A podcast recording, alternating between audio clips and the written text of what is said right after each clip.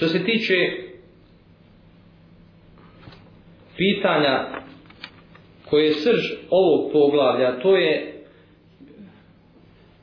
e, šta to uvodi čovjek u islam i kako čovjek postaje musliman, kažem to je i tekako značajno bitno poglavlje, jer mnogi to, ta pitanja ne razumiju. Mnogi su skrenuli s puta poslanika ili svatvrstva na puta selefa po ovom pitanju, pa su ošli u jednu ili drugu krajnost,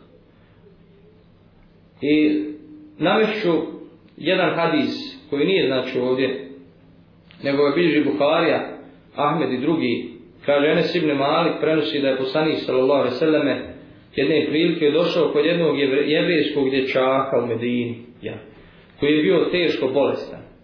Ovaj dječak je nekada bio znači sluga, odnosno služio je poslaniku sallallahu alejhi ve selleme.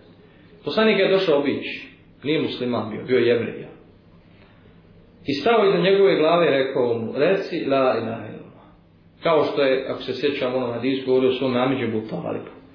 Znači, nastojao je da, da robove Allahove spasi džehennema do zadnjeg trenutka njegova života.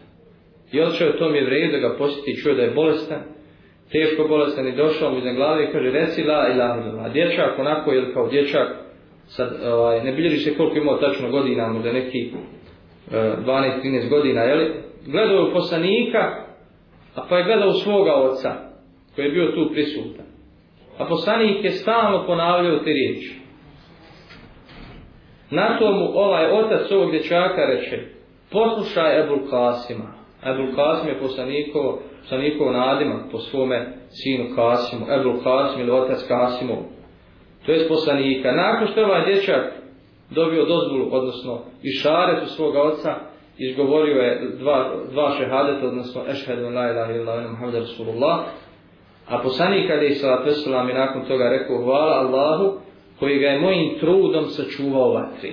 Kaže hadis bliži Buharija Što znači da ove riječi šehadet la ilaha illallah su zadnja slamka ili zadnja šansa koja čovjeka može sačuvati vatre, vječne vatre. To je kao ona, jeli, kao lozinka, kao šifra kojom se ovaj, spašavamo džehennemske vatre. Što znači da čovjek se la ilaha illallah može otići u džehennem, ali u njemu neće vječno boraviti, jer će ga to la ilaha illallah izvući. A, a opet ne mora nikako ući u džennet, jer može ga Allah zbog samo tih riječi spasi džehennem. Kao što sanik ali islata sam kaže ovdje, Hvala Allahu koji ga moj, mojim trudom sačuvao vatri. Zato ovo sam naveo zato što kod kada je u pitanju ulazak u islam ili primanje islama ili riječi kojima se postoje musliman e, dovoljno je da se izgovori šahadet dovoljno je da se izgovori šahadet da čovjek postane musliman ali znači spominjala s onim predvim hadisima da je, da je to iskreno znači da, da je to iskreno Ne moraju se poznavati svi uvjeti i šartovi la ilahima, svi uvjeti i šartovi šehadeta. Kao što vidimo iz poslanikove prakse, ali im salatu islam, kada ljudi tražuju, ovaj, tražuju samo da kažu la ilaha illallah muhamda rasulullah. To je bila, znači, minimum šanse da se spase džene.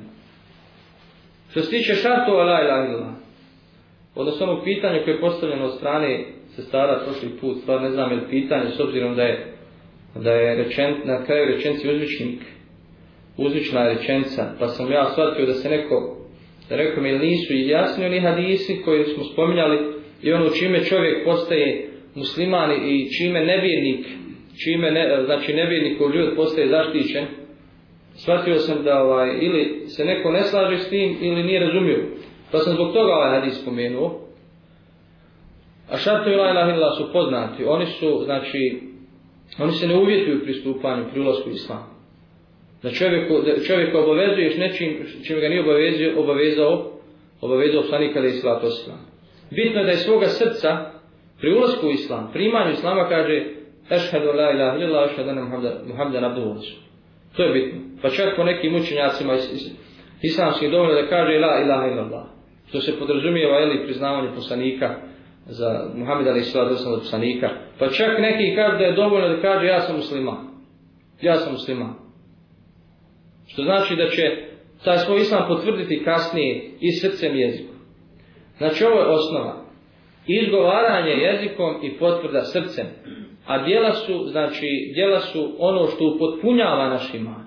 To upotpunjava naš ila, iman, dijela ne ulaze u samu, u sam temelj, temelj naše vjerije.